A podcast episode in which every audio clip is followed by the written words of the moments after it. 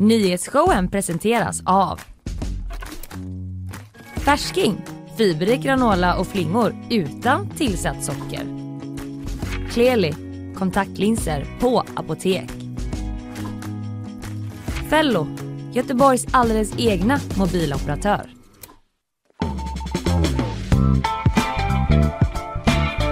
Solen stiger upp över ännu en dag i Göteborg. Det är nyhetsshowen live från GP-huset eh, som du lyssnar på. Fanny Wik, God morgon. vad säger du?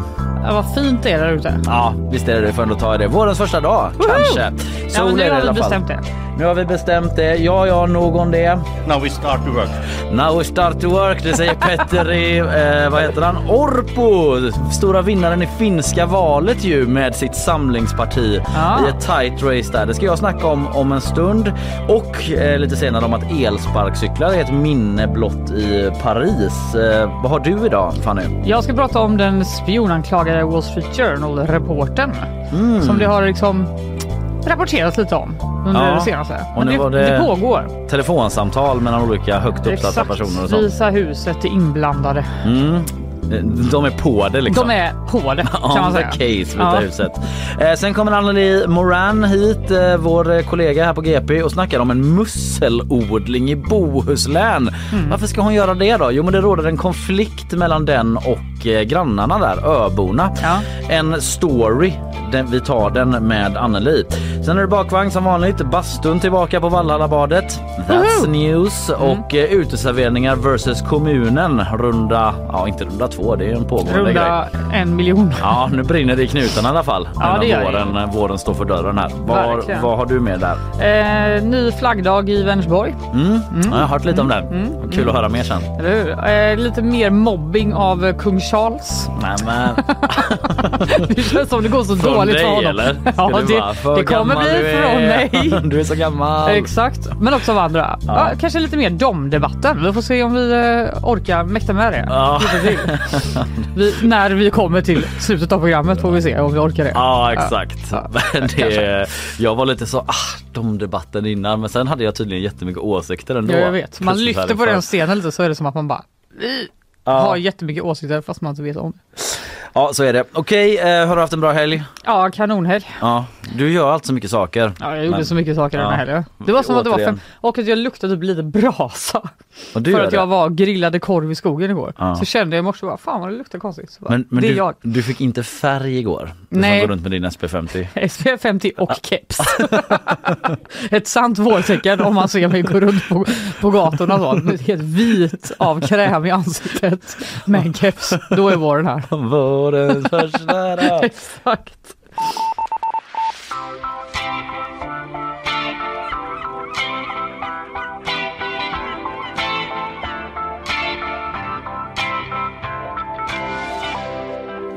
Ja Fanny, det var på håret. Men liberalkonservativa Samlingspartiet vann valet i Finland med partiledaren Petteri Orpo då som stor hjälte. Som Grattis! lett partiet genom den här valrörelsen. Och så här lät det när han anlände till partiets eh, valvaka under gårdagskvällen.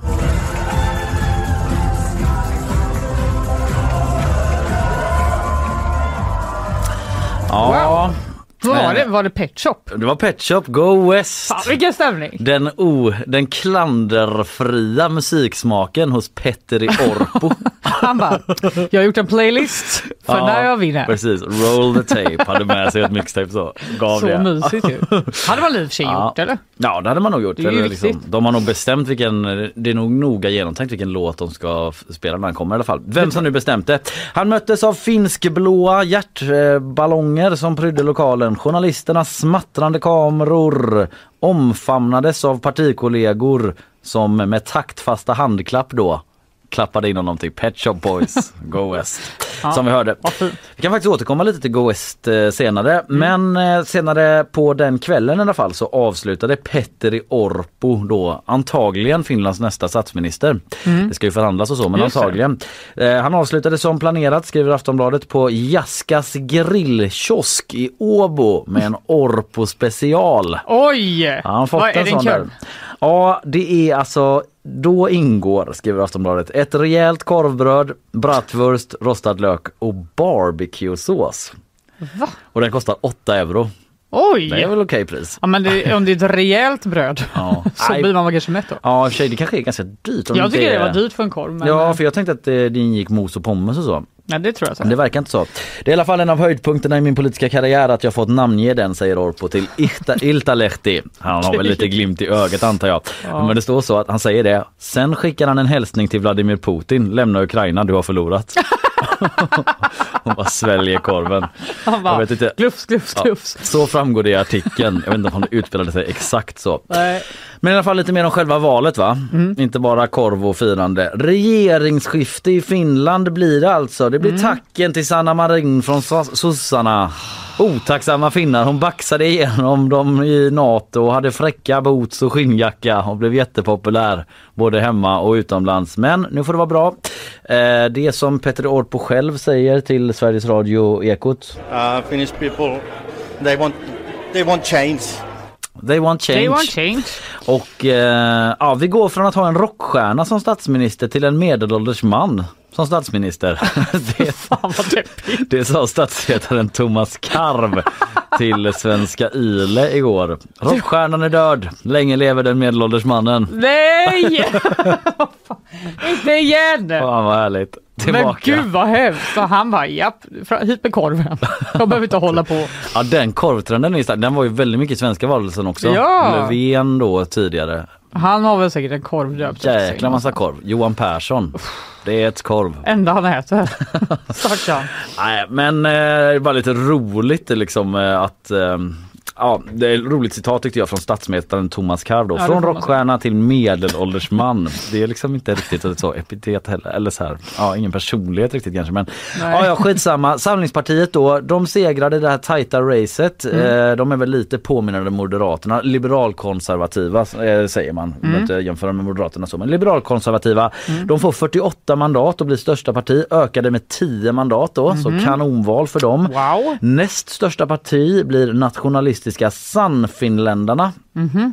på 46 mandat, ökade med 7 mandat. Oj. Bra val för dem Väldigt också. tajt här. Mm. Bästa valet någonsin för Sannfinländarna. Mhm. Eh, och eh, Richard Jomshof från SD var för övrigt på valvakan där. Han sa till Huvudstadsbladet, den finska tidningen, jag tror det är bra för Finland om det går bra för Sannfinländarna. Bra analys. Ja, han är glad. De har ju Ja, lite... Ja, jag, vet inte, jag vet inte exakt eh, hur deras eventuella samarbete ser ut men de är lite polare så i alla fall. Mm.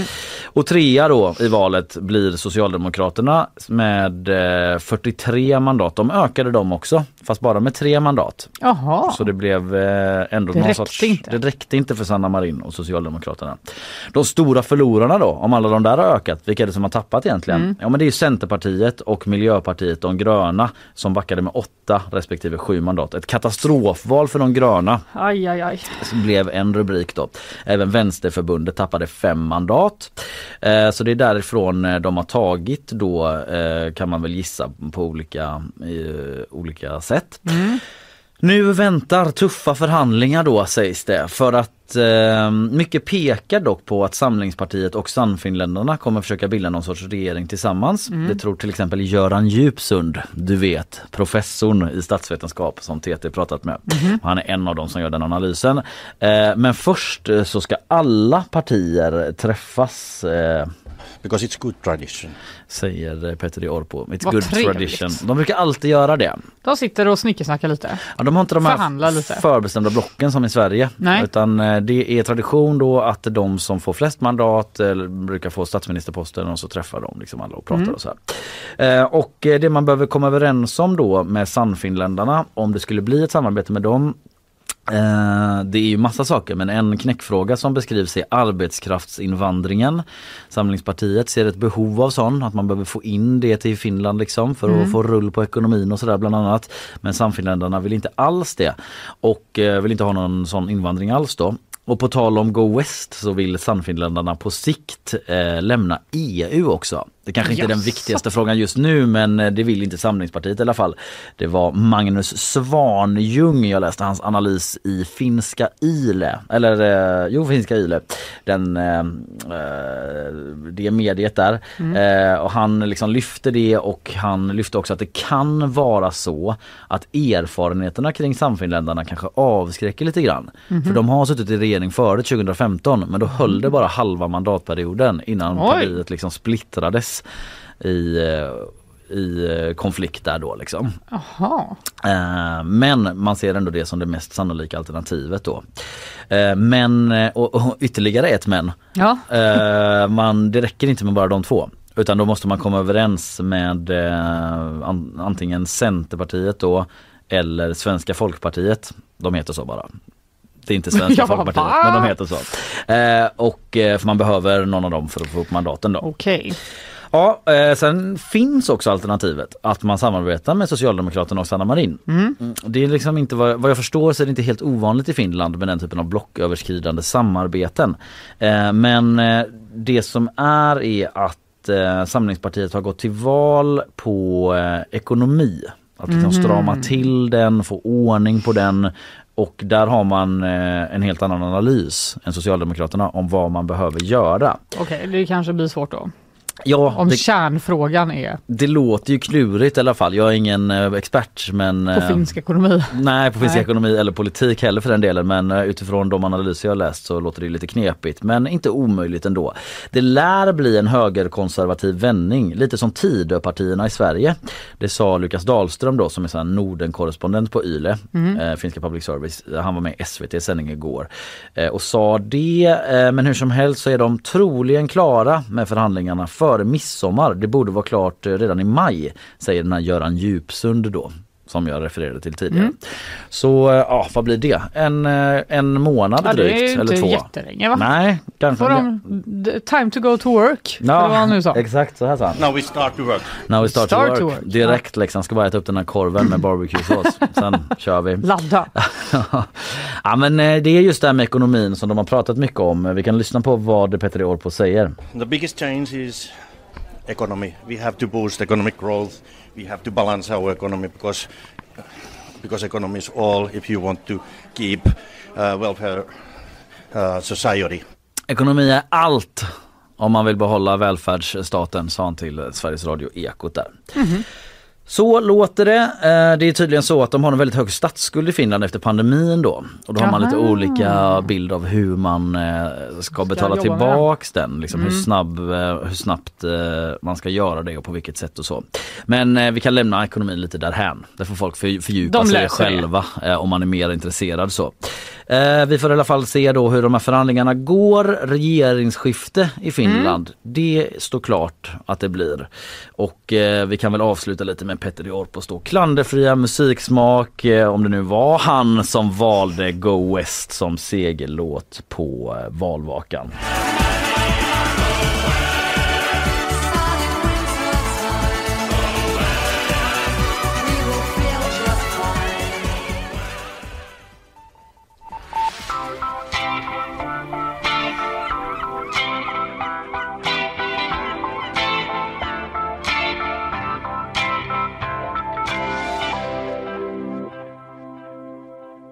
Det är om Finland. Ja, Detta följes.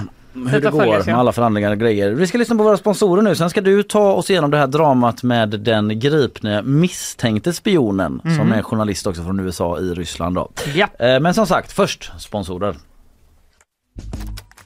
Nyhetsshowen presenteras av Färsking, fiberrik granola och flingor utan tillsatt socker. Kleli, kontaktlinser på apotek. Fello, Göteborgs alldeles egna mobiloperatör.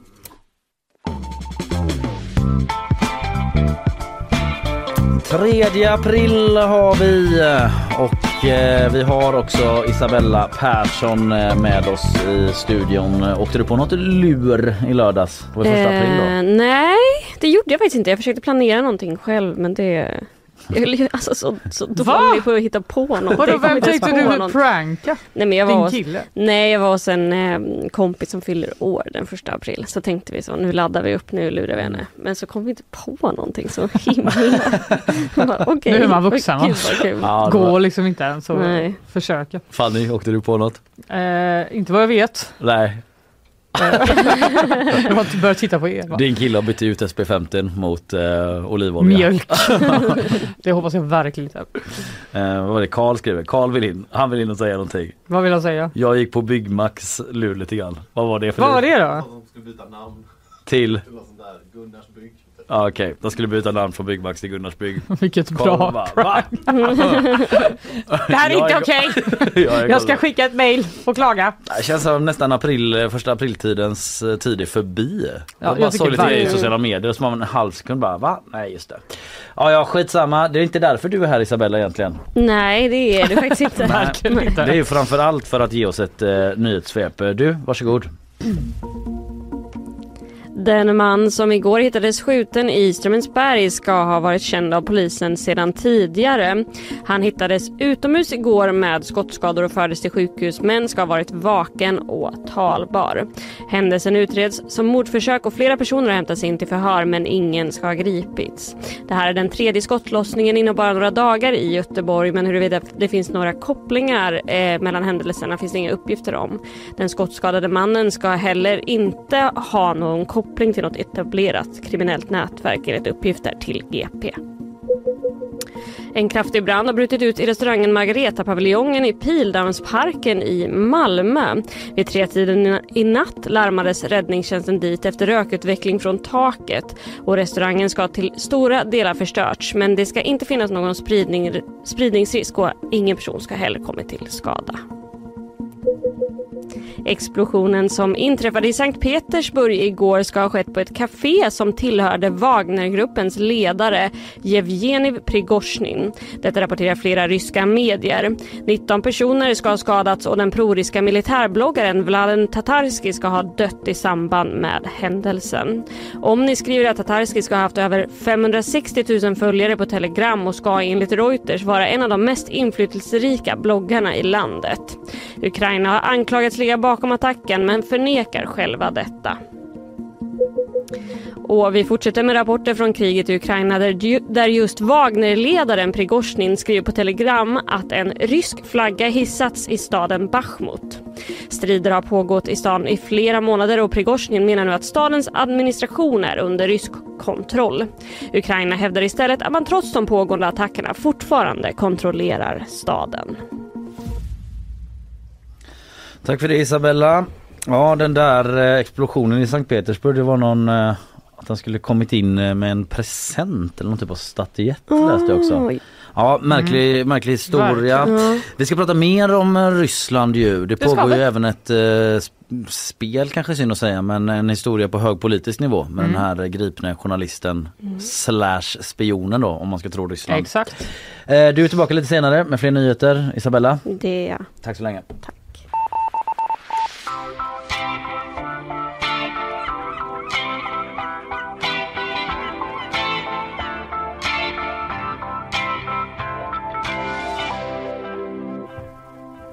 Ja, för det var ju förra veckan då, va Kalle? Ja. Som eh, Wall Street Journals eh, reporter Evan Grekovic i, greps i Ryssland misstänkt för spioneri. Mm, mm. Och vi har inte pratat om det så mycket, men det kommer nog pågå för det har blivit, som vi har pratat om nu, ett lite politiskt spel. Ja. Vad handlar det här om? Har han spionerat eller är han någon slags gisslan Mm. som Ryssland kommer använda sig av?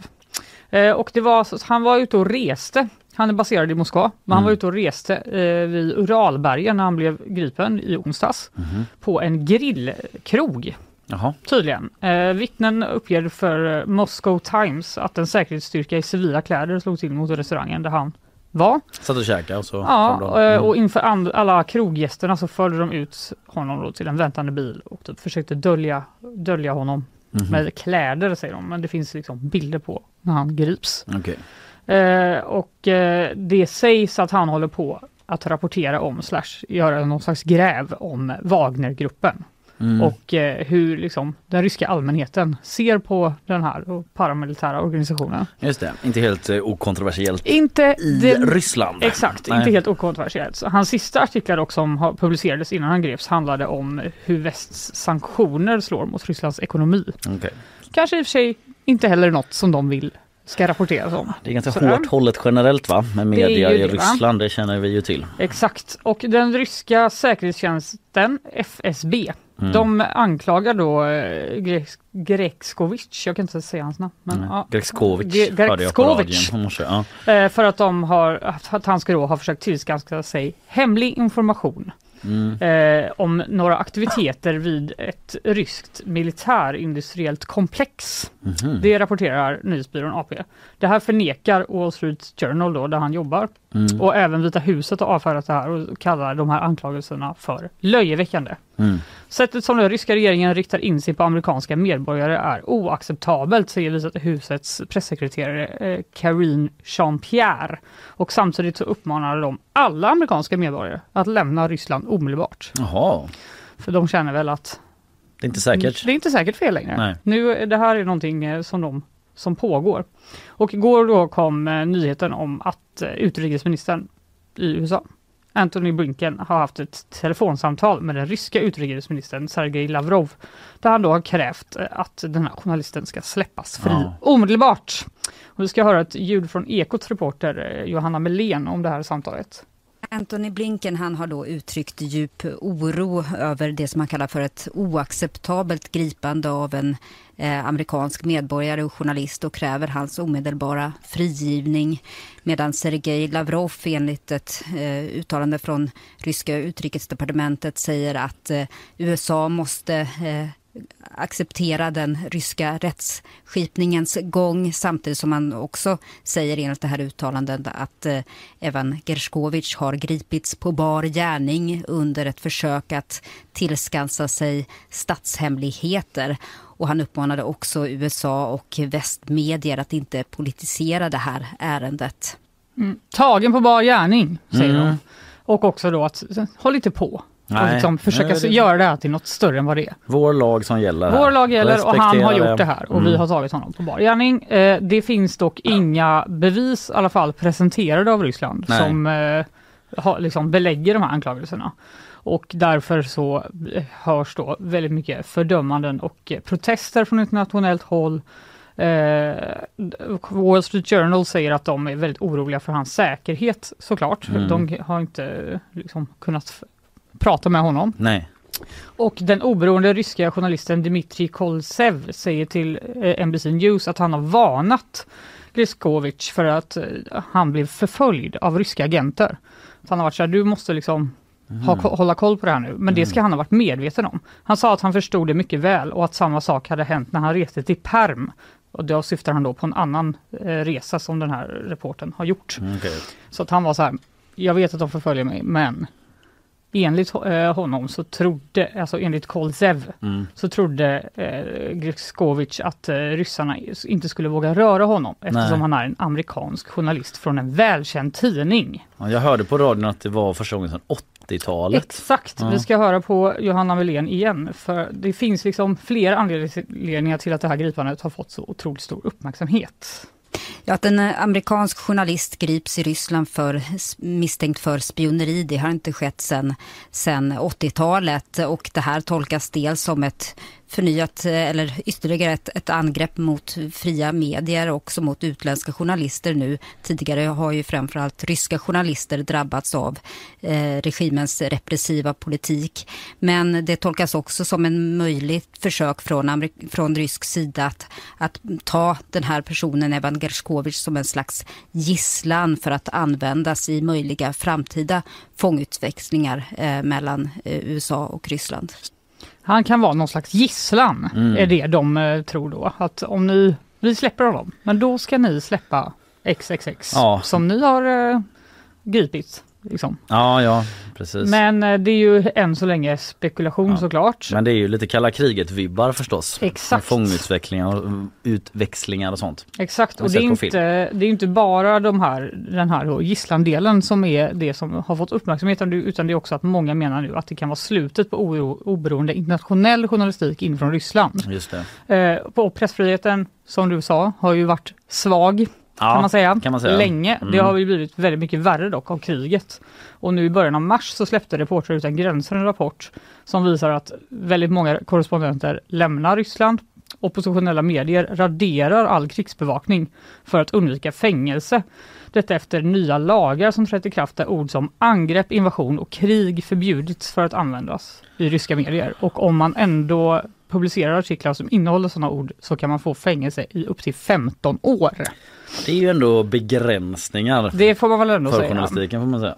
Exakt och även SVT har ju kallat hem sin Rysslandskorrespondent Bert Sundström och DNs Anna-Lena Laurén har också lämnat landet. Mm. Även CNN och BBC som egentligen har permanenta medarbetare i Ryssland har valt att pausa deras arbete Mm. efter de här lagarna.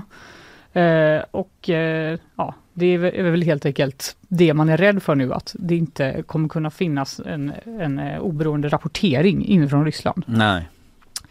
Nu sitter Evan Gregorovic i eh, häkte.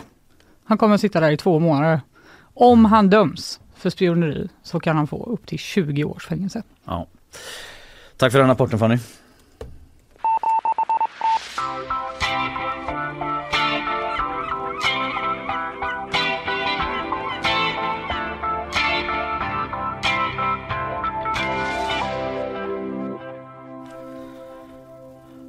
Ja, du, eh, just det, det är ju nästan vår nu ändå Fanny. bara, varför står det våren i vårt körschema? Ska du prata om våren? Ja men så lite grann. Eh, Vi kan väl ändå slå fast att det, vi, det barkar däråt i alla fall. Eh, Ja. Men det våras inte för, förlåt, men eh, sparkcyklar, elsparkcyklar i Paris. Det är nämligen förbjudet nu. Va? Man har rakt av förbjudit det eh, med, ett rung, med en rungande majoritet. Så har 90% av eh, Parisborna, av de som röstade, eh, röstat för att förbjuda elsparkcyklar. Kasta dem rakt åt helvete. Nej men De är för fula för Paris, det är där, därför. Ja, de pallar inte med det längre. Från, då snackar vi eh, elsparkcyklar från uthyrningsföretag alltså. Mm, just det. Jag tror man får köpa fortfarande Man själv får, då. man får ha sin egen. Ja det tror jag i alla fall.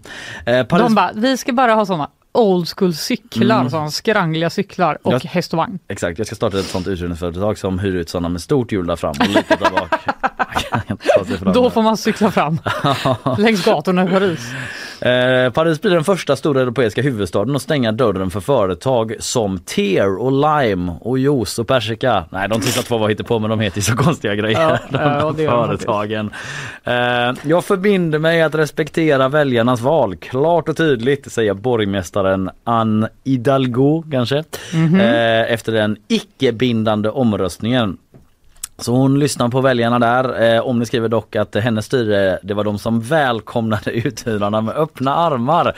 Åh, nej. 2080, eller 2080, Vad, va? 2018. Ja. Eh, då var man liksom bland de första eh, storstäderna att släppa in de här uthyrarna. Eh, på marknaden då. Eh, men efter det så har man begränsat dem allt mer då. Det har varit sådana hastighetsbegränsningar begränsningar och särskilda parkeringszoner. Mm. Känner vi igen? Ja, det har väl varit i Sverige också va med Mm. parkeringszonerna. Ja, precis. Och hastighetsbegränsningar. Ja, det är med. Typ vissa tider, Så får man, typ eh, på kvällen tror jag. Då får man När köra folk hur snabbt man har vill. druckit.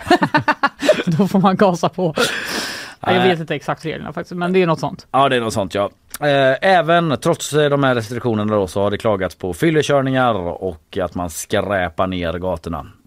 Sparkcyklar du något själv Fanny? Japp. Du gör det? Och jag läste ju på g.se att vi ska få fler sparkcyklar. Ja så vi går åt andra hållet. T- 600 fler elsparkcyklar i centrala Göteborg. Va?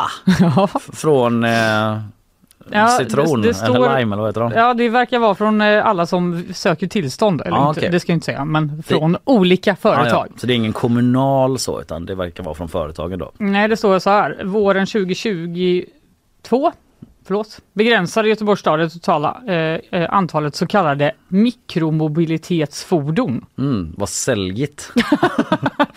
till 4400 stycken. Men under 2023 så kommer det bli 5000. Ja, fan vad sen jag är. Äh, jag tar ett mikromobilitetsfordon Ja, och är där eh, Som man brukar säga. nolltid. Nej men jag är ett stort fan måste jag säga. Du Alltså jag det? stör mig på typ, när folk bara ställer dem på helt random ställen såklart. Ja. Typ mitt på en trottoar. Ja, som Ja. barnvagnsförare. Ja då blir man ju galen. Och typ även om jag inte har en barnvagn. Ja. För att jag är bara så här, det är inte så svårt att ställa den vid väggen. Nej, det är väl allmänt hyfs bara. Men Skärp det går ju jättefort att köra dem och eh, det Och sen hamnar de i kanalen eller på någon sophög i liksom eh, något Ja, jag vet, men det känns som två olika frågor. Det ena är typ så här, varför är folk helt dumma i huvudet? Och Ja. det andra är typ, vad smidigt att man kan Just åka det. någonstans fort. Kan vi folkomrösta om idioter? Förbjuda dem, skicka dem någon annanstans. Man kanske får ta sånt körkort Just det, för att få åka elsparkcykel. elsparkcykel, Gott körkort. uppförande.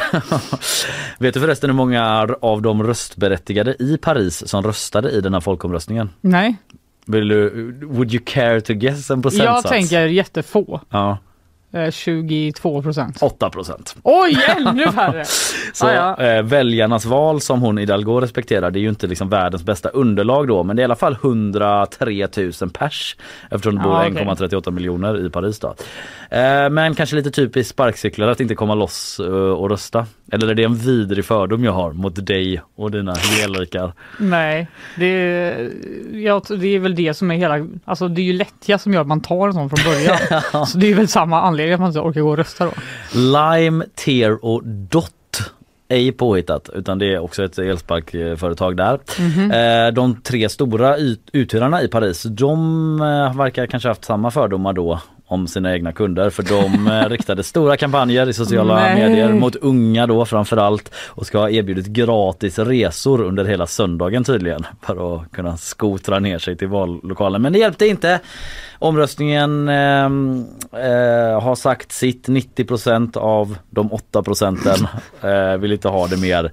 Eh, den kom ju till också som en reaktion på alla skador och faktiskt dödsfall som är relaterade till eh, elsparkcyklar Ja, ja, i i. Paris, i, i, i Paris där då samt nedskräpningen då. Ett minne blott i den parisiska Man kan gatubilden. ta en promenad.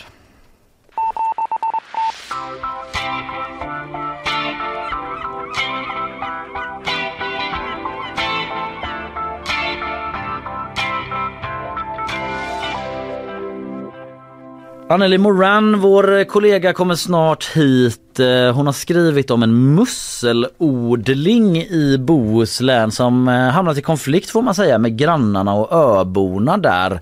Och eh, det flyter runt stora plaströr Ja. i fjorden och eh, öborna är rädda för att det ska ske en allvarlig olycka. Samtidigt så ligger företaget i konflikt med olika eh, myndigheter och sådär. Vi ska prata om det. Det är en snårig men intressant historia. Anneli kommer om en liten stund. Först lyssnar vi på våra sponsorer. Nyhetsshowen presenteras av Färsking, fiberrik granola och flingor utan tillsatt socker. Kleli, kontaktlinser på apotek. Fello, Göteborgs alldeles egna mobiloperatör. Häng kvar! Vi får besök av Anneli Moran om en stund här. Eh, missa inte det. Nej. Vi är tillbaka 3 april, måndag har vi ny vecka, nya tag. Det är nyhetsshowen live från GP-huset som du lyssnar på. En musselodling verkar ha kollapsat i Bohuslän. Det ska vi prata om nu. Eh, trots att man får tiotals miljoner då för att odla hållbara ostron och musslor så sprids jättestora plaströr i badvikar och farleder där uppe.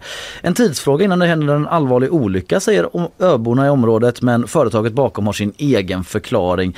Här för att prata om den här eh, lite trassliga historien är vår reporter som varit på plats och skrivit om detta. Välkommen Anneli Moran. Tack så mycket. Du, eh, först bara, vart är vi någonstans? När vi pratar om detta. Ehm, de flesta göteborgare och västkustbor har väl liksom en karta i huvudet över Orust och Tjörn. Mm. Eh, och den här fjorden liksom delar egentligen öarna åt kan man säga. Så i ena änden, alltså utloppet mot havet, så ligger typ Mollösund. Mm. Och i andra änden om man åker under lite broar så hamnar man i Stenungsund. Så att det är där uppe, Bohuslän. Bekanta platser. Ja, jag fick bilder. Ja. Fina bilder i huvudet. Ändå. Ja, ja, Men, ja, eh, herregud, det är ju liksom västkustidyllen på många Ja, sätt. exakt. Och nu i den, detta vatten så ligger det ett, eh, diverse plaströr till exempel och grannarna i området är väldigt förbannade. Eh, vad är det som har hänt? Ja, men det här är ett område där det har varit musselodlingar i många, många år. Mm. Eh, Men det har varit traditionella odlingar med ja, tunnliknande bojar kan man väl säga, där det hänger liksom ner under vattnet. Mm. Eh, Och där växer då musslorna. Eh, Det här är en eh, ny teknik, eller ny för Stigfjorden då som den kallas.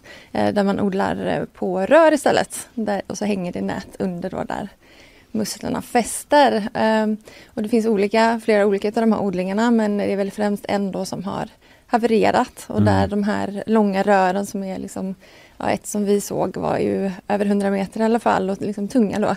Mm. Eh, och så har de spridit sig lite, de släppt från sina förankringar och spridit sig ut. Ja, jag kan ju tipsa om eh, att det finns ju såklart en eh, artikel på vår sajt där det finns bilder också, eh, både från vattenytan men också under vattnet där man ser de här odlingarna och man ser de här rören som har släppt och det ser ju i ögonfallande ut i fjorden tycker jag där de eh, flyter runt då. Men de är ju arga grannarna i området och liksom lite rädda att det ska hända någonting. Vad är det de är oroliga för? Ja men precis, det är ju en del som, eh, en hel del som har reagerat då för det som de ser är ju just de här rören då att de flyter ut i farleder och så. De är oroliga för att någon ska köra på dem eh, och skada sig för de, just eftersom de är stora och tunga då. Mm. Så de är oroliga för sina barn och barnbarn och sådär. Ja, Det är liksom folk som kör typ vattenskoter och sådana öppna båtar där som man riskerar att Eh, alltså ja, det här är ju hoppa ur en, typ, eh, eller? Ja men det här är ju en farled liksom Ja. som går mellan just Stenungsund och ut i havet. Då. Så på somrarna, ni vet att det är ju sommaröar i Bohuslän liksom. Ja. Eh, så är den ganska trafikerad. Sen går det ju kön runt där och sådär. Mm. Så det är väl den, den oron som de pratar om. Just det. Eh, de som de vi har pratat med har ju främst varit bofasta eller ja, någon som har sommarhus Mm. där. För om man ser de här bilderna, alltså när jag läste, för först läste jag eh, liksom reket och sen så tittade jag på bilderna. Och då, alltså det är väldigt stora rör. Går det att uppskatta typ, för de som inte har sett, hur stora de är? Ehm, ja, jag vet inte om de är olika stora men det som jag såg var väl runt 100-120 meter långt i alla fall och kanske lite mindre än skolinjal i diameter om man säger Mm. så. Så de är ju tunga liksom för att de ska kunna hålla uppe de här Mm. näten. Då. Mm. Mm. Men det handlar alltså om en eh, ja, hållbar musselodling då som eh, har varit där sedan ett antal år tillbaka. Berätta lite mer om den. När startade den och vad var det man skulle göra? Ja, men eh, tanken med musslor, alltså, det är ju en, eh, också en liksom, miljöinsats eftersom musslor filtrerar vatten och då tar de ju till exempel bort olika näringsämnen som vi släpper ut. Och för mycket näringsämnen i vattnet låter ju jättebra liksom, men det leder ju till övergödning då som i sin tur eh, kan leda till bottendöd och syrebrist och sånt där. Eh, och det var väl den tanken de hade här också, eller har fortfarande, att eh, eh, man skulle odla musslor och göra den här processen effektiv och lönsam och sådär. Och sälja Eh, musslor och, som ja, folk käkar? Ja men precis, men sen så började ju problemen då för några år sedan när de... ja, Vad är det som händer då? För några år sedan. Ja, eh, när problemen börjar? Ja, jag pratade ju med företag där då. Det var liksom flera faktorer då som, som spelade in att, att det blev så som det är idag. Mm. Eh, och de, deras tanke var ju först att odla de här musslorna och så sälja dem till Europa. Mm. Eh, men så var det flera musselodlare på västkusten som drabbades av kalkborstmask. Eh, och det vet ju alla vad det är. Men, Ja, precis. Ah, Jaha. Inte det igen. Det hade ju jag också Ja. i höstas. Nej men det, det är ju påväxt på skalen då, alltså kalkavlagringar som ser ut som, som så här små gångar. Nu håller jag på att gestikulera här, det ser ju inte alla, men i alla fall det ser ut som små gångar på Mm. skalen och det Ja. gjorde ju att eh, europeiska marknaden ratade de här musslorna. Det är inte det man vill plocka upp på en sån härlig fiskmarknad. Nej men tänk dig en vit tallrik med liksom Mol. Ja. Precis. Ehm, Nej. nej. men så då försökte de istället sälja till konservindustrin i Danmark. Men där tog det också stopp då på grund av detta och att de hade vuxit sig stora de här musslorna. Och sen så blev nästa lösning att de skulle ordna ett eget packeri eh, och sälja dem på svenska marknaden. Eh, men sen så, så hade det blivit så tungt och så kom det stormar och sådär liksom. Så att eh, då ham- hamnade de här. Eh, att, ehm, eh, det är ju främst en liksom, odling som är kollapsad men de Ja. andra har också liksom, påverkats av detta. Men är det liksom den eh, misslyckade försäljningssiffrorna och sådär? Eller vad är det som har lett liksom till att rören har släppt så som det ser ut lämnats liksom vind för våg ut i fjorden?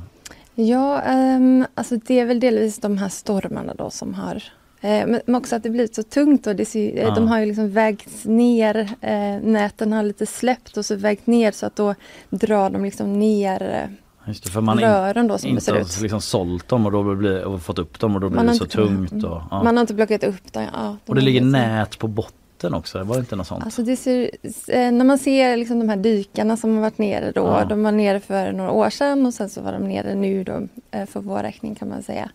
Eh, och då hänger det ju liksom ner mot botten. Det är ju djup, eh, en fjord är ju per definition djup liksom. Mm, eh, mm. Så att det hänger ju långt, långt ner då. Ja. Mm. Men du har ju också pratat med de som äger de här Mm. odlingarna. Vad säger de? Vad har de för förklaring? Eh, nej men de berättar ju om den här eh, liksom processen då, att de, de här försöken liksom och sen så eh, i och med den här sista biten då med packeriet och sånt där så har- har de ju också hamnat i olika juridiska processer då med Mm. Jordbruksverket och Länsstyrelsen eh, och de berättar att det tar väldigt mycket tid för dem att det, eh, liksom, det är så de förklarar Mm. delvis då att de inte hunnit med eh, underhållet sa de. Ja precis, sätt. för man undrar ju varför eh, ingen samlar in de här rören och bara liksom Mm. Ja men då är det, de menar att de har liksom inte tid med det då eller tycker de att någon annan ska göra det eller vad? Nej det tycker de inte. Men, Nej. nej. nej men det handlar väl om tid just nu då. Ja. De eh, vill avsluta de här juridiska processerna och sen Men de menar ju att de håller på och återställer liksom. Men det, Mm. Men de här, och de här juridiska processerna, vad handlar det om? Eh, det är egentligen två olika saker då. Eh, Det är ju Länsstyrelsen, nu kommer vi in på myndigheter här men Ja. Äntligen! eh, ja, precis. Men det gillar vi ju. Eh, Ja, det det. Men det är ju eh, Länsstyrelsen som står för tillstånd och tillsyn. Alltså Mm. de ska se till, de, de säger okej ni kan göra detta och sen så ska de hålla koll så att det sköts då. Mm. Eh, så de är inte nöjda med just nu hur det sköts. Så de eh, har ju, då la ju de ut ett föreläggande. Alltså de säger så här, ni får fixa detta. Mm. Eh, och samtidigt då ett krav på en miljon då i vite om det inte fixas. Just. Eh, och den process, eller det föreläggandet då har överklagats och eh, överklagats igen så då den processen pågår. Så under tiden då så kan inte Länsstyrelsen göra någonting utan de får ju vänta på att den juridiska processen har sin gång. För de har ju Mm. rätt att överklaga. Just det, Eh, så man är fast i det för tillfället då, avvaktan Mm. där. Men sen är det en annan process också då med Jordbruksverket som eh, kräver dem på företaget på 14 miljoner, något sånt där totalt. Ja men precis för att eh, de har ju fått EU-pengar då och Ah. EU-pengarna delas ut genom Jordbruksverket. Eh, och det är de pengarna som de nu eh, kräver tillbaka delvis då, inte alla pengarna. det är sådana där EU-pengar som man kan få för den typen av liksom ekoprojekt och sånt där. Ja, precis, man kan ju få EU-pengar för väldigt mycket olika Ah. saker. Så att, eh, men det här, ja men absolut, det här var ju eh, ett, håll- eller ska ju vara ett hållbart projekt liksom. Man pratar om miljöfördelarna med musslor och så. Mm. Mm. Och då tycker Jordbruksverket att de har inte gjort, alltså, de har inte gjort det de skulle göra med de här pengarna Mm. som de har fått då. Ja men i princip den här investeringen har inte eh, gjort. Ja, Ja. precis, lite så. Och då är det samma förklaring från företaget då, det här med stormarna och försäljningen, eller? Eh, ja men de håller egentligen inte med, nu måste jag kolla lite här. Eh, men, eh, nej, men de håller ju inte med om att syftet med pengarna som de har fått inte uppnås. Nej. Eh, och de har ju också, deras tanke är ju också att de kommer att skörda de här musslorna. Att de Mm. kommer att jobba vidare med det. Så att det finns ju två olika sidor där så att säga. att den, den ena sidan säger okej men det här, det här är, alltså de kringboende sådär, men det här är övergivet, de gör ingenting och sådär. Mm. Och sen så företagssidan att ja, men vi jobbar på detta så gott vi kan. Liksom. Ja, okej. Så att det är en dubbel, ja det är, de är inte, inte Meningarna samma, går isär. ja men precis, det är inte samma beskrivning. Hur skulle du beskriva stämningen där uppe i fjorden bland öborna? Nej men eh, alltså i juridiska papper så beskrivs det ju som infekterat Ja. och också Och då är det då det juridiska. Eh, Ja, ja. Alltså Nej, men, eh, ja. ja. Mm. men infekterat är ett ganska bra ord. Ja, mm. Men det är många som är, som är irriterade och arga och det, det har ju liksom många olika anledningar till att de, att de är det såklart. Mm. Att de, ja men om man ser de här flyter upp i badvikarna och man Mm. förstår ju att en oro, då blir man arg liksom, Mm. också. Jag tänker att det där idyllen i fara är något som triggar väldigt många svenskar på något sätt. Om man nu tycker att eh, den är det. Ja, Det finns ju också en annan oro dock från själva kommunerna på eh, alltså Orust och Tjörn som, över vad som händer om de nu skulle gå i konkurs det här företaget. Mm. Vad, berätta om det. Ja, när jag pratade med miljöcheferna där i de olika kommunerna för jag fick ju höra att det fanns en oro där också då och det är ju just det att de är oroliga för att det ska överges då, alltså Mm. odlingarna då om de inte Eh, om de nu förlorar de här rättsprocesserna, det är ju mycket pengar det handlar om ändå och speciellt för ett liksom, litet företag så eh, de är oroliga för att eh, det blir klassat som nedskräpning. Och nedskräpning är ju kommunernas ansvar. Eh, så att de, och de har ju inte båtar och grejer för att ta hand om detta. Eller de här feriejobbarna som får åka ut. Tonåringarna får... Nej men eh, det är det de är Ja. oroliga för. Ja, det har inte riktigt eh, varit tydligt i deras överenskommelser från början vem som ska ta hand om det om det skulle bli så helt enkelt. Eh, egentligen så, alltså Länsstyrelsen har liksom inte lagstöd för att liksom kräva att pengar ska avsättas för att ta hand om de här grejerna. Mhm. Eh, nu blev det också väldigt byråkratiskt här Mm. men eh, nej egentligen inte. Alltså om det hade varit eh, strandskyddat vatten till exempel, det här är allmänt vatten, Mm. eh, så hade det varit andra regler. Men eh, nu är, ja, nu är de där de är. Men Mm. fortfarande, alltså företaget hoppas ju att de ska kunna fortsätta odla och liksom Mm. till hösten efter de här juridiska processerna är över så hoppas de att de ska kunna fortsätta. Så vi vet ju inte hur det kommer Nej. bli men eh, kommunernas oro är på, påtaglig. Kan man Ja, säga. Mm. det förstår Ja just det, så är det och en byråkratisk process, eh, process pågår där eh, Ja men flera kan man väl säga. Ja, Rättsprocesser. Mm. öbor väntar spänt eh, på hur det ska gå då och företag också. Ja, eh, Anneli Moran, eh, tack för att du kom hit och berättade om den här storyn. Se bilder ni som vill på gp.se eller i appen filmer till och med. Ja och Mm. filmer. Ni har varit nere under vattnet och kollat men också eh, helikopterperspektiv. Det ser ganska speciellt ut där i fjorden får man säga. Eh, tusen tack Anneli. Tack.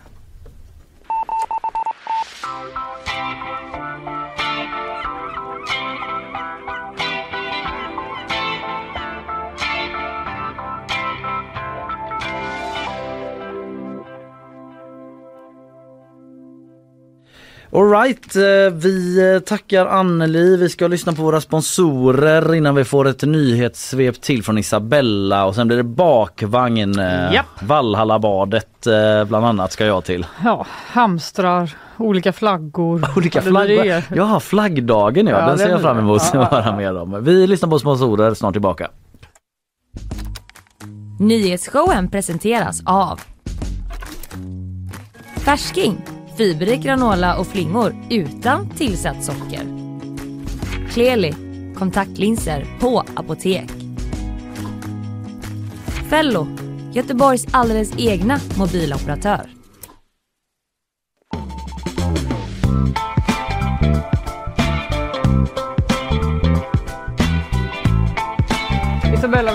Isabella vill börja. Ja. Vi eh, ska få ett nyhetssvep ju från eh, Isabella Persson innan vi kastar oss in i eh, bakvagnen då. Eh, det råder ju en eh, en annan process kan man väl säga som är lite infekterad mellan... eh, Dig och mig. Jag skojar.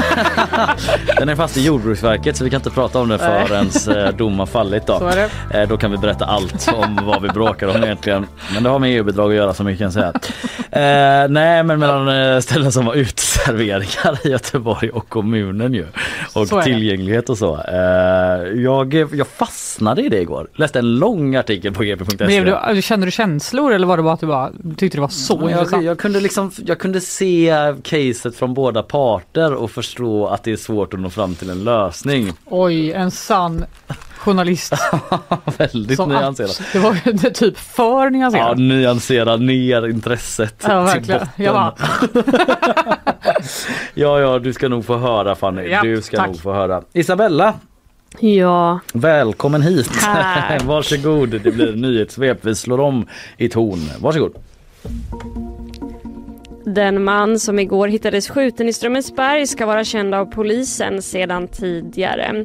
Han hittades utomhus igår med skottskador och fördes till sjukhus men ska ha varit vaken och talbar. Händelsen utreds som mordförsök och flera personer har hämtats in till förhör men ingen ska ha gripits. Det här är den tredje skottlossningen inom- inom bara några dagar i Göteborg men huruvida det finns några kopplingar till tidigare skjutningar finns det inga uppgifter om.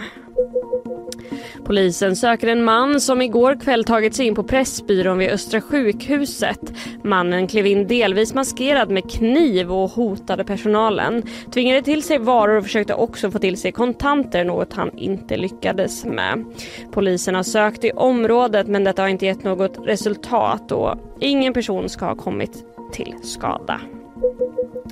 Hot och våld ökar mot ambulanspersonal. Det visar en ny sammanställning som Sveriges Radio Ekot gjort. På fem år ska anmälningarna till Arbetsmiljöverket ökat från 21 till 67 stycken. Och enligt Ekot kan det handla om pistolhot, slag och sparkar och att personalen till och med fysiskt hindras från att lämna platsen. Wagnergruppens ledare Jevgenij Prigozjin skriver på Telegram att en rysk flagga hissats i staden Bachmut i Ukraina. Strider har pågått i staden i flera månader och Prigozjin menar nu att stadens administration är under rysk kontroll. Ukraina hävdar istället att man trots de pågående attackerna fortfarande kontrollerar staden. Tack Isabella. Tack så mycket. Vi går vidare. Det blir bakvagn.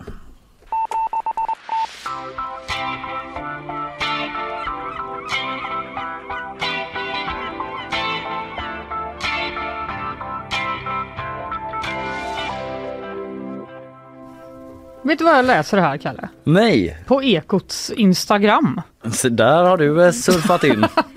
Håll Ja. i scrolltummen Ja, för nu vet. blir det Nu Ekots tid. jäklar! Nej, men det står att idag är det 50 år sedan ingenjören Martin Cooper, även kallad mobilens pappa, ringde det allra första mobilsamtalet. Se där, Va? 50 år sedan på dagen. 50 år sedan på dagen. Man Samtalet tackar. gick till Martin Coopers konkurrent. Jag sa Han sa bara Fuck you! Ja, men typ. Ja. Jag sa Joel, det här är Martin Cooper. Han sa Hej Marty. Ja. Eh, Joel, jag pratar med dig i en handhållen mobiltelefon. Mm. En riktig mobiltelefon. Personlig, bärbar, handhållen. Det var tyst på den andra linjen. Sen säger han att eh, det spårade ur efter det och nu tycker han att alla använder smartphones för mycket. Okej, han ångrar sig.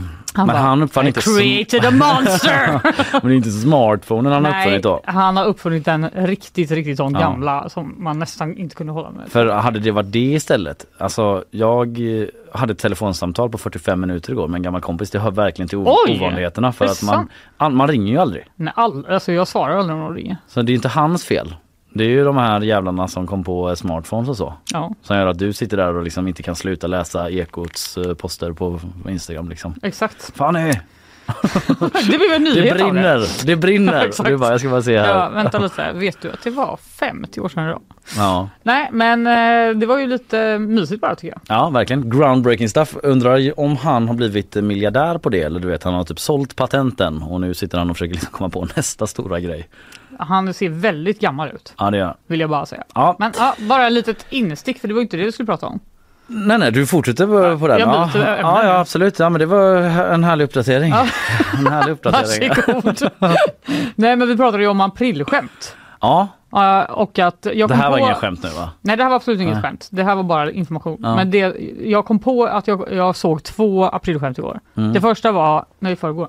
Det första var att Poseidon skulle flytta till Gårda. Mm. Då kände jag bara, Släpp det nu. Är det, Ja. var det GP eller? nej det var något, ett hotell Ja. som sa, nu ska vi, vi ska få ta hand om Poseidon när de typ bygger om. Ja. Ja, skitsamma. All right. Eh, och det andra var att min eh, favoritvinbar skulle flytta till Maldiverna. och det kände That's jag, it, då flyttar jag med. ja, det kände jag också, det, det låter inte så troligt. Nej. Men igår då, på kvällen, satt jag och surfade runt, skulle hitta lite hårda nyheter till vårt program. Ja.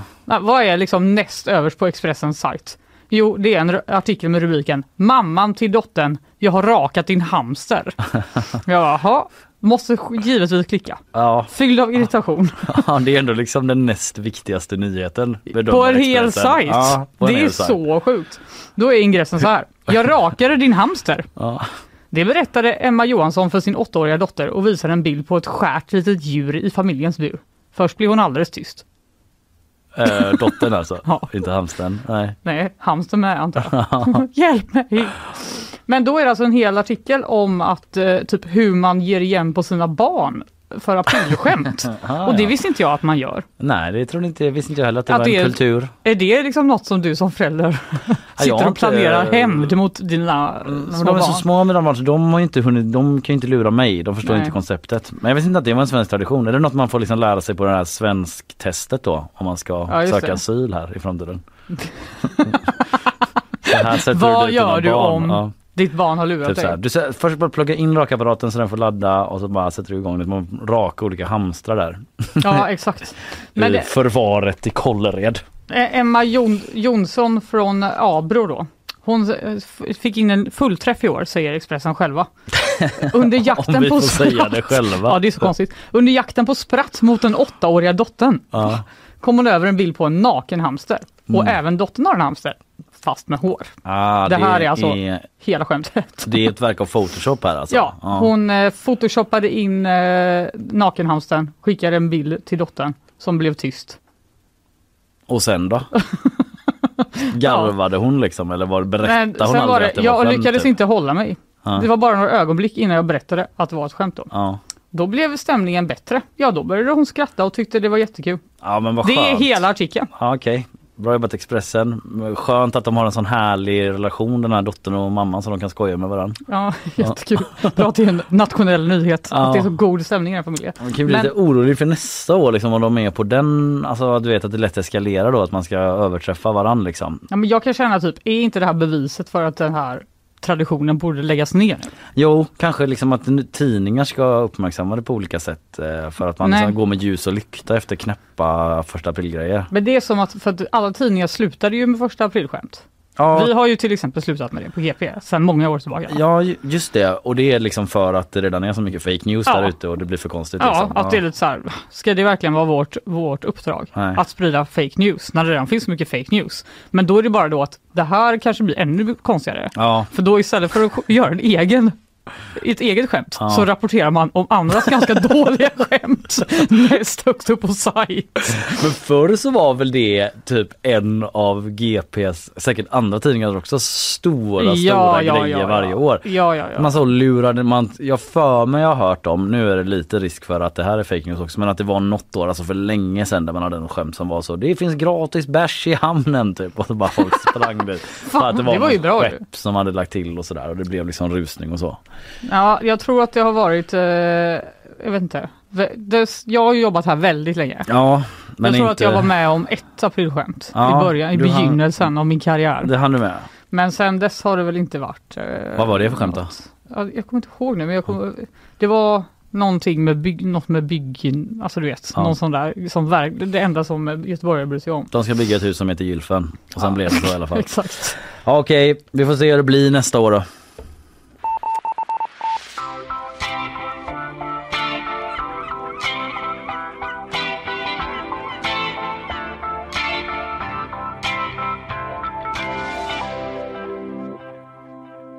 Uppror bland krögare efter krångligare regler läser jag på gp.se. Ja, det låter spontant skitjobbigt Ja, med för krångligare regler. krångligare regler för uteserveringar. Mhm. Och eh, som du och alla känner till så eh, våras det ju för uteserveringarna. Ja, Det är gott man vill sitta där. Igår såg jag liksom hundra pers som satt och lutade sig mot en vägg. och frös vid, eh, ihjäl. Ja, jag vet inte fan. Det såg ganska gott ut faktiskt. Men eh, visst, det var väl en och annan filt som någon hade lagt över knäna.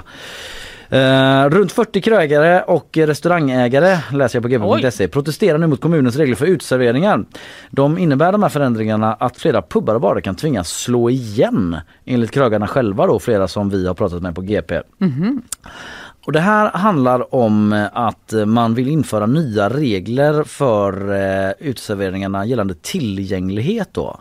Eh, att eh, alla ska kunna liksom ta del av uteserveringarna men det innebär också då eh, ekonomiska utgifter för många krögare som behöver göra förändringar då. Det i en tid av eh, turbulens, pandemin var ju inte liksom en eh, knuff i rätt riktning Nej. för eh, restaurangerna precis. Det kan man inte säga va? Och nu kostar en tomat liksom 520 kronor Ungefär. Eh, Så det vittnar en av de här restaurangägarna om liksom att eh, det är jävligt tuffa tider och Mm. eh, då har jag inte ens nämnt elpriserna. Och då måste man samtidigt då göra om sina uteserveringar. Eh, En krögare som vi pratat med är så här bara Ja vi fattar, jag tycker också det är jätteviktigt med tillgänglighet men Mm. kanske liksom kan man ha lite förståelse för läget just nu då. Mm.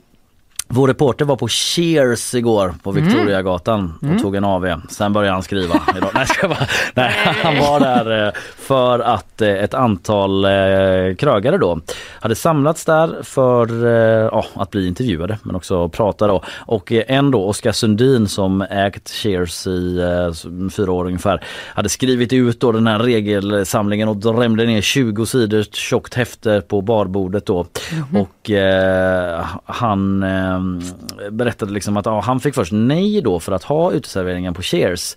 Eh, men lyckades då efter korrespondens få tillstånd ytterligare en säsong. Eh, lyckades typ snacka till sig på något sätt. Och i hans fall så handlade det då om att liksom uteserveringen utanför Cheers, det lutar där på gatan eh, och då kan inte han ha bord där ute för att eh, ja, de står och vickar Ja, just det. liksom och det, blir- det blir inget bra. De serverar ändå mat, typ någon ska få Ja. ett glas vin så här. eh, Ja det blir lite pinsamt.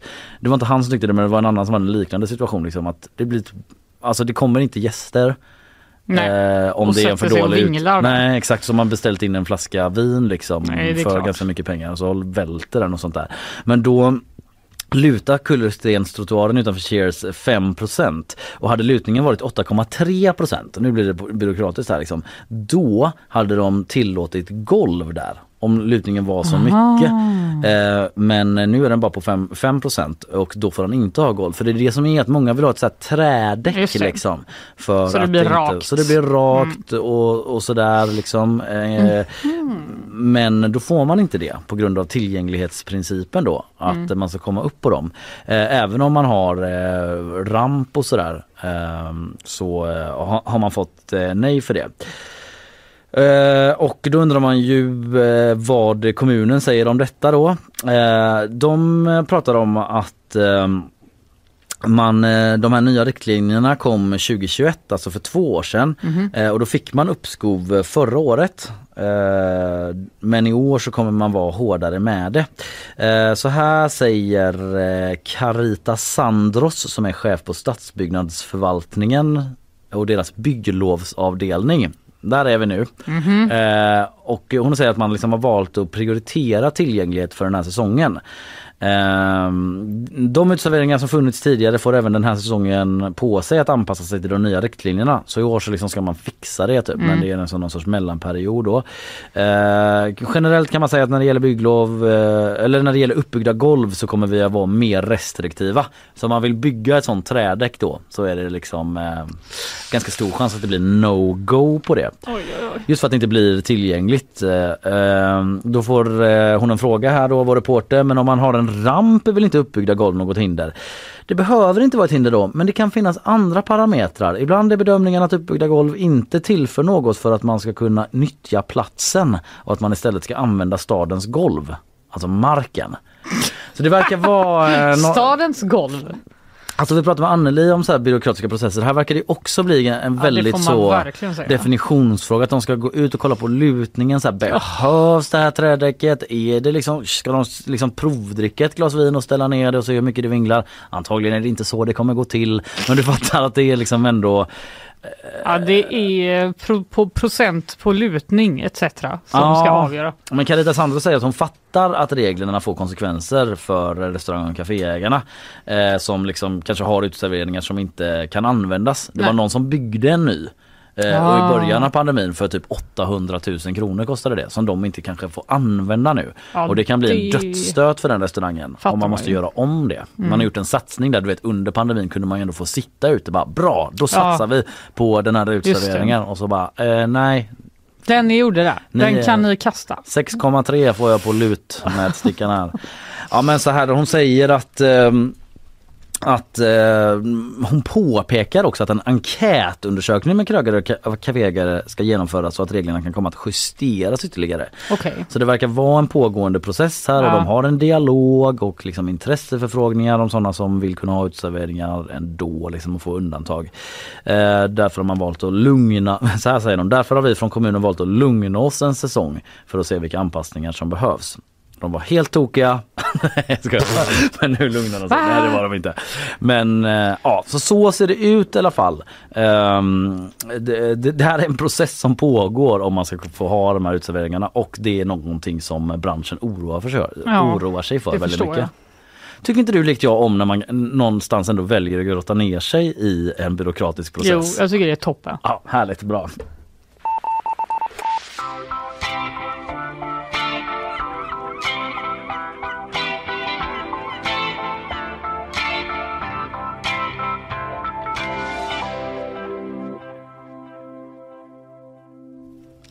Kommunpolitikern Johan Andersson Ja, det är inget bekant.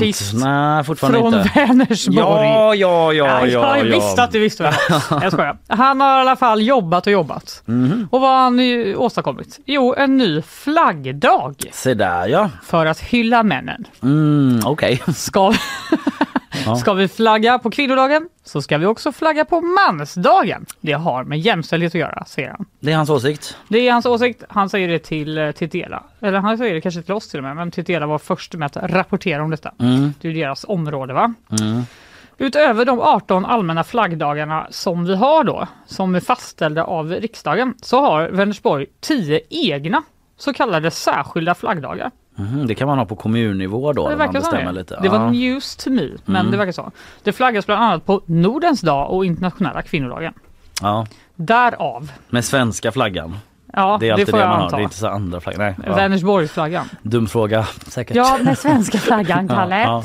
Men från och med nu så kommer flaggan att hissas i Vänersborg den 19 november varje år för att hylla alla män. Ja, Det finns Fan, ändå internationella mansdagen. Ja, det jag det. typ tänkte att det var typ var lite på skämt så. Ja men det är ju typ lite den stämningen Ja. när, det, när den dagen dyker upp varje år och alla bara "Åh, Är det inte det varje dag? Ja just det, jo men det är klart. Ja, jo men det är klart att den finns ja, nu kommer jag ihåg. Ja. När du påminner mig om skämten. Exakt.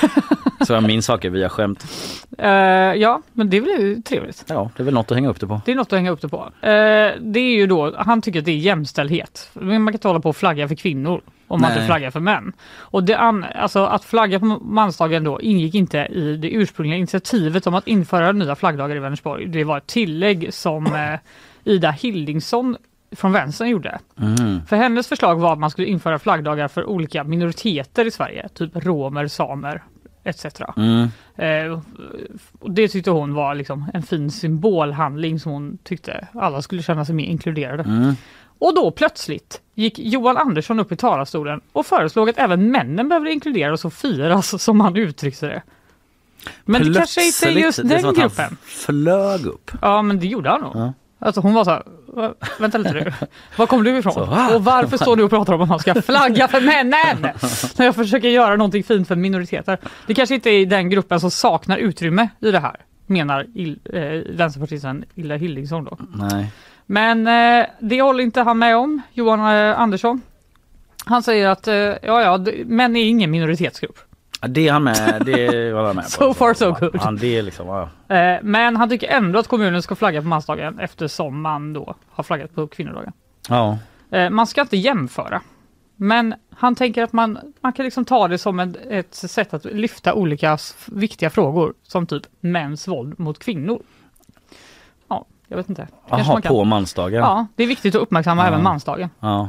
Många män lider av psykisk ohälsa. Ja men exempel. för det är ju ändå, alltså det, det är inte som att kanske män generellt är en utsatt grupp men det går ju tufft för männen. Ja, det alltså vet. på en generell nivå. Det är ju det, Det man har det. hört mycket om att så här, män utbildas inte lika mycket, de mår Exakt. dåligt, de sitter och deppar framför datorn eller vad det nu kan vara liksom. Ja, Just det psykisk ohälsa biten är ju ändå någonting som verkar vara ett växande problem bland män. det får man verkligen säga. Men Och, nu eh, kan det vara slut på det. Exakt. När man hissar flaggan i Vänersborg.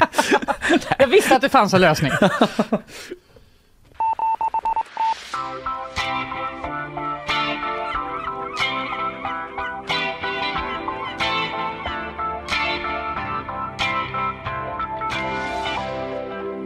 Ja, symboler kan väl ändå vara bra för att lyfta frågan. Vi raljerar ju lite över Ja flaggan. men det är väl klart. Ja. Vi är upp till bevis Upp för till Vänersborg. bevis för Vänersborg som ska rå på mans eh, motvinden i världen och Sverige. Du, eh, vi tar oss till Göteborg då, från Vänersborg. Efter bastustoppet, nu så vevar man igång bastun på Vallala igen. Medelålders män vinner i Finland och jublar i Sverige för det kan man basta. Kanske en äldre män än så. Ja Eh, det känns som det va? Är du mm, besökare av offentliga bastu, bastuar? Eh, ja, Ja. På, på, Vallala? eh, på mitt gym. På ditt gym? Ja. Men eh, inte på Vall- Vallala har jag inte varit på sedan jag var liten. faktiskt. Nej, nu har inte jag varit på mitt gym på ett tag. Nej, du vet att jag ofta går till mitt gym och bara bastar. Ja okej, Jag tränar inte så mycket. vad skönt att höra på något sätt. Ja, Eh, men det är också ett sätt mig. att ta hand eh, om sig själv. Ja det är det. Mm. Eh, där har ju faktiskt eh, på mitt gym man stängt ner bastun eller den var öppen bara någon dag i veckan. Just på grund av elpriset då. Det är samma grej Mhm. på Vallhalla under fyra månader.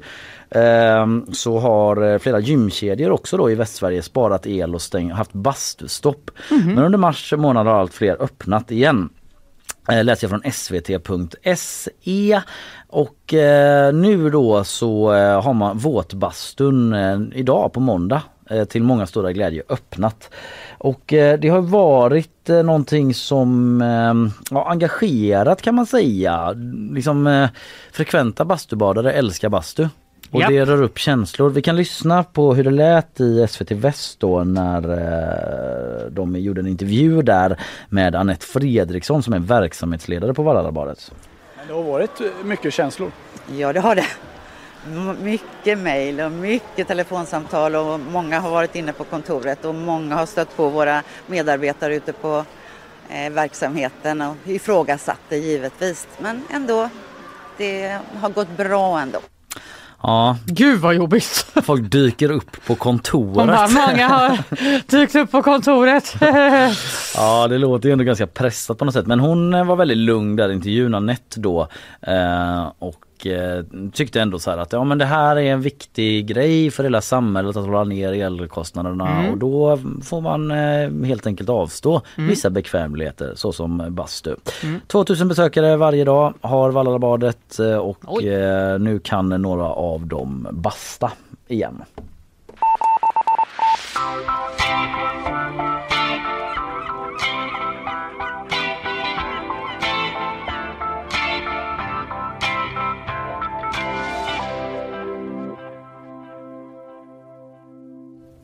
Vi var ju inne på det lite. Orkar vi prata mer om dom-debatten? Ja men jag trodde inte det men sen Nej. visade det sig att jag hade jättemycket att säga. Den har liksom bara pågått så länge nu. Mm. För det, det handlar ju alltså om eh, att ordet dom ska ersätta de och dem. Ja det var ju det en ny chef på språkrådet Exakt, eller? Lena Linde Palicki. Det var hon som, satte eh, igång det här. Ja, hon var så här, nej det är dags. Det är Mm. dags för en domreform. Och nu har Ulf Lundell uttalat sig. Mm. Och vad tycker han? Ja, han tycker att man ska skriva dom. Han tycker det för jag, Ja. du nämnde det här kort innan och både jag och Karl var så här, nej Lundell han är liksom tycker man ska förhålla sig till hur det alltid varit. Men han är Nej. progressiv där. Han skriver, jag har skrivit dom i 50 år. Det är inget att snacka om. Det här är fan världens löjligaste debatt. Löjligaste debatt. Lägg ner det bara. Nu känner man sig dum du. Han bara, okej Ulf, förlåt. Det var väl väldigt tråkigt. Men de som har läst eh, hans böcker, Vardagar. Ja, Jag har ju läst nästan alla. ja jag, alltså jag har ingen, jag har inte konsumerat Lundell Kan alls verkligen mycket. rekommendera. Ja. Det är väldigt vilsamt och trevligt att läsa Mm. det. Men han skriver ju lite som han vill. Den heter Han- Vardagar, han skriver lite som man pratar då. Det är ju en Mm. dagbok Mm. eh, och han uttrycker, alltså han är inte någon sån eh, fin finsmakare tänkte jag säga.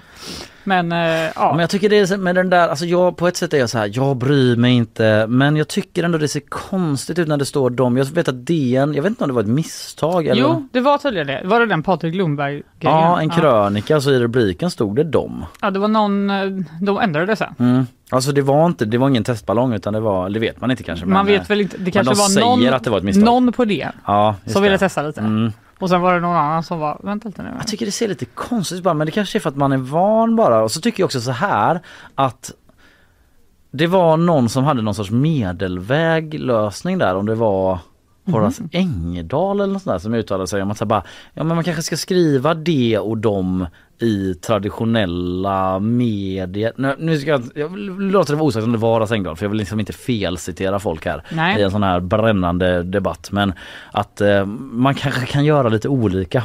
man kan få skriva dem i Ulf Lundells bok och så kan man få skriva och så kanske man ska ha kvar det och dem i mer så officiella dokument. Ja, det blir vidare. ju liksom sen när, det, när TT som vi använder oss av Mm, mycket. Vi mm. brukar ju gå efter så som TT skriver, så skriver också vi. Ja. För att det ska finnas en liksom. Ja, många rättar sig efter dem eh, i olika saker. Exakt, så när de börjar skriva dem, Ja, då, då, kanske vi får se det kanske här det, med. vi får se det här med. Men jag vet inte, det Mm. känns som att det här kommer bara pågå extremt länge.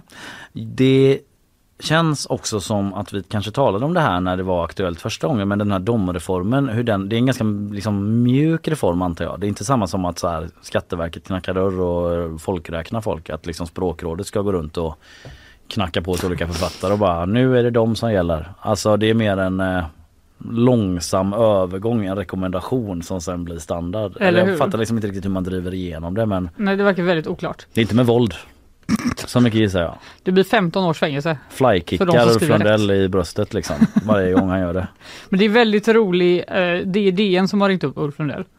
Eh, och han har ju, det står så här, givetvis har Ulf Lundell läst inlägget i domdebatten och jag vill veta vad han tycker om den. Han sitter i bilen när jag ringer, P1 dånar i bakgrunden. Det blir ett mycket kort telefonsamtal, 26 sekunder för att vara exakt. Och då hinner han säga, lägg ner bara! Lägg ner! Ring aldrig mig.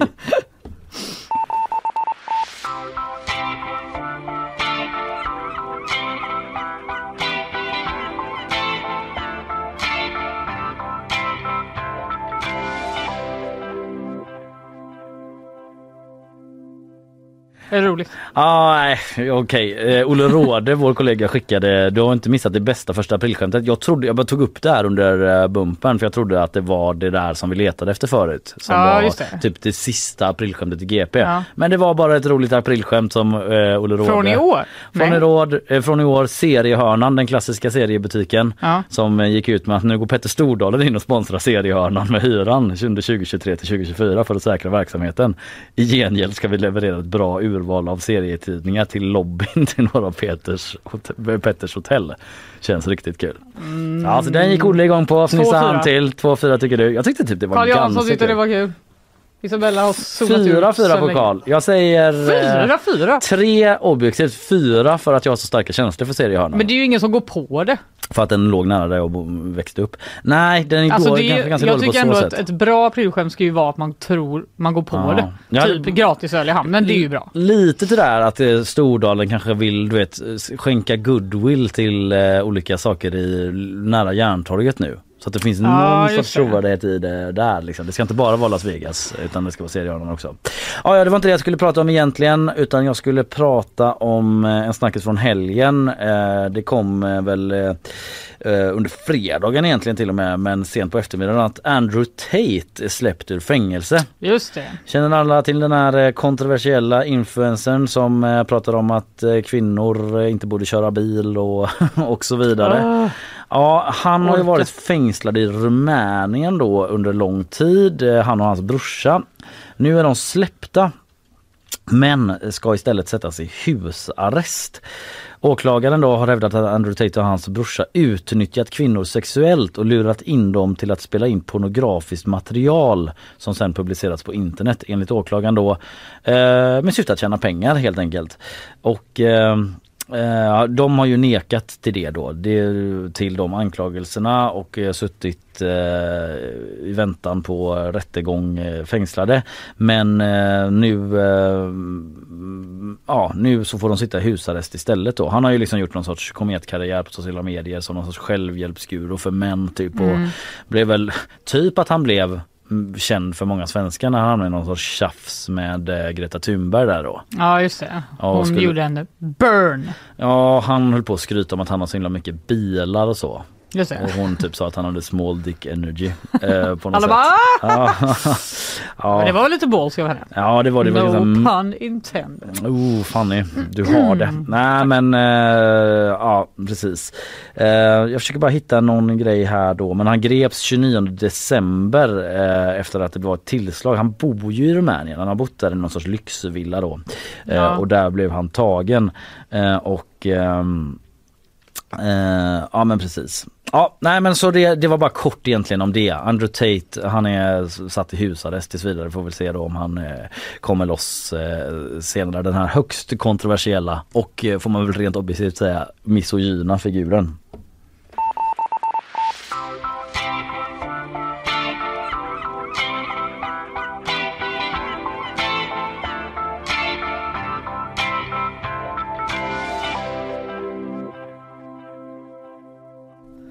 Eh, vi har ju pratat om det innan. Det går ju inte jättebra för kung Charles.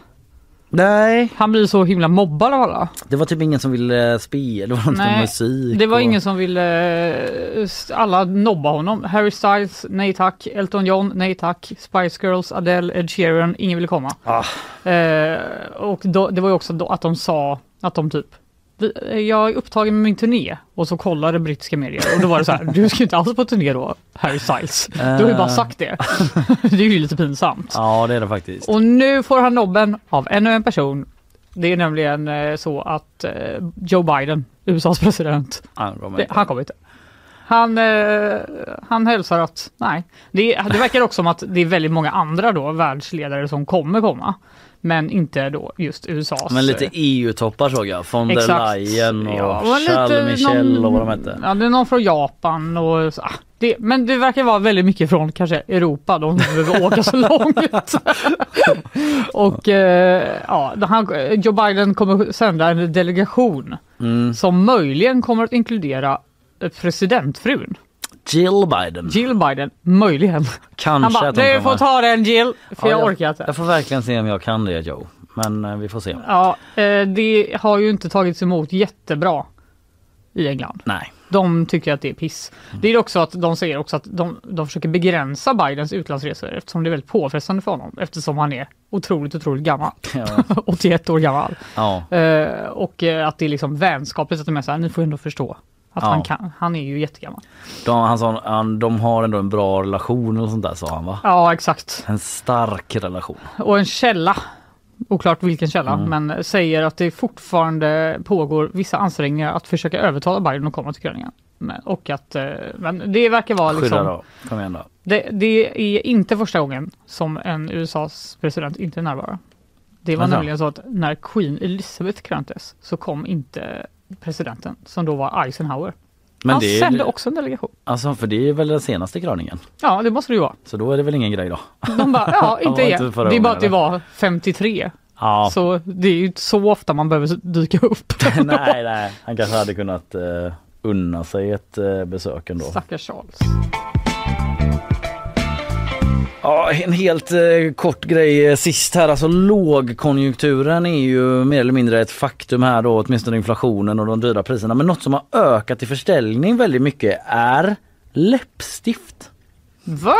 Det är tydligen någon sorts klassiker att eh, läppstift eh, säljer mer i dåliga tider. Modehistorikern Emma Svensson säger till eh, SVT att eh, man kanske inte har råd med en dyr klänning. Då skänker ett exklusivt Mhm. läppstift lite mer glädje än ett billigare läppstift. Så himla smart. Ja. Har du märkt av detta själv på något sätt? Jag har ju en läppstiftskran. Alltså? Eh, min brors tjej. Anna. Shout out. Ah, Aha, okej, som Hon, ger dig eh, massa läppstift? Jobbar med smink och Ja. ger mig eh, mycket smink. Gratisprover och så vidare. Ja exakt, typ sånt som de ska slänga annars. Ja. Ungefär. Usch. Jag bara, ja tack! Ah, den här fula gamla gult. Den här blev över. Vill du ha den? Jag bara, ja. Jajamän. Men jag kan verkligen förstå, alltså det är ju, det har jag ju också sagt till eh, Linnea när hon är så här, jag orkar inte. Så jag är så här, om du inte Linnea orkar, Lundqvist alltså. ja, om du inte orkar för att du går upp så tidigt. Sätt bara på dig läppstift så kommer alla tro att du har fixat dig. Ja. Det är det bästa knepet. Ja, ja. Du kan ju inte göra det. Eller alltså du kan ju det. Nej, jag men kan göra det men det ju hade stuckit ut, det hade brutit mot hur jag ser ut i vanliga fall Då hade det mer varit så här, varför har du klätt ut dig? Ja. Det är ingen maskerad. Nej men jag eh, kanske inte heller är så sugen på att liksom starta en ny så kosmetisk rutin. det räcker med... eh, 04.45 på med läppstiftet. Nej, jag, liksom, går vi till jobbet. Då lever jag hellre i normen och slipper liksom köpa det. Jag förstår det. Men för tjejor För är det ett skitbra tips. Ja, det visar statistiken, alltså eh, branschorganisationen Cosmetic och hygienföretagen Eh, kosmetik och hygienföretagen kanske. Mm. Eh, de säger att exklusiva läppprodukter ökat med 29% under 2022. Mhm. Och eh, ett annat eh, skönhetsjätte som heter Lyko. Ja, Ja, de eh, säger att eh, läppstiftsförsäljningen ökade med 83% från årsskiftet till 23 mars i år. Så det är ju nästan en fördubbling då. Det tre månader. riktigt mycket. Det Jag är sugen. mycket. Ja, 50 000 läppstift eh, har de sålt och de säger det liksom att även eh, läppstiftseffekten var en populär, ja precis, the lipstick effekt är tydligen ett begrepp då som eh, är, finns inom populärhistoria, myntades i och med 30-talets lågkonjunktur, the great depression. Mm. Det här är ju liksom så här, the okay The- depression. the mini depression. Ja, it's not great men eh, it's okay. Ja. Eh, då eh, gick det ner konsumtionen av kläder och sådär men kosmetikakonsumtionen gick upp. Eh, så det verkar vara ett eh, återkommande mönster vid lågkonjunkturer. Lite fun facts eh, Ja, fick var eh, avsluta dagens eh, avsnitt Mm. av nyhetsshowen live från GP-huset. Eh, vad har vi snackat om idag då? Jag var först ut med finska valet. Det blir ju regeringsskifte där. Samlingspartiet eh, samlade mest stöd. Mm. Passande nog De om man bara tänker till namnet. Verkligen, Mm. så himla logiskt. Jag älskar när det händer. Varför händer inte det här varje gång? Exakt. Jag pratade om eh, den spionanklagade journalisten på Wall Street Journal och eh, vad det kan leda till.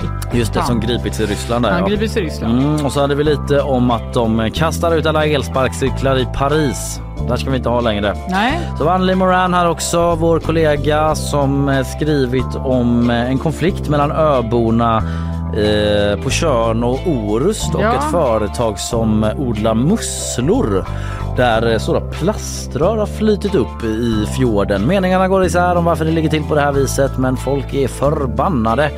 Eh, och så det kan man lyssna på om man vill höra mer om det eller läsa på vår sajt också. Sen är bakvagnen, ja det har ni nyss hört men eh, det var ju lite Vallhalla. och det var så mycket. Flagg, Herregud vad mycket var. flaggdag för män i Vänersborg ska de ha också tydligen. Och eh, krögare som eh, är i lite tjafs med kommunen om uteserveringar. Eh, om de ska få ha det eller inte. Mm. Eh, vi är tillbaka imorgon igen. Ja! Då är det nya nyheter. Det är det varje dag. Tack så länge.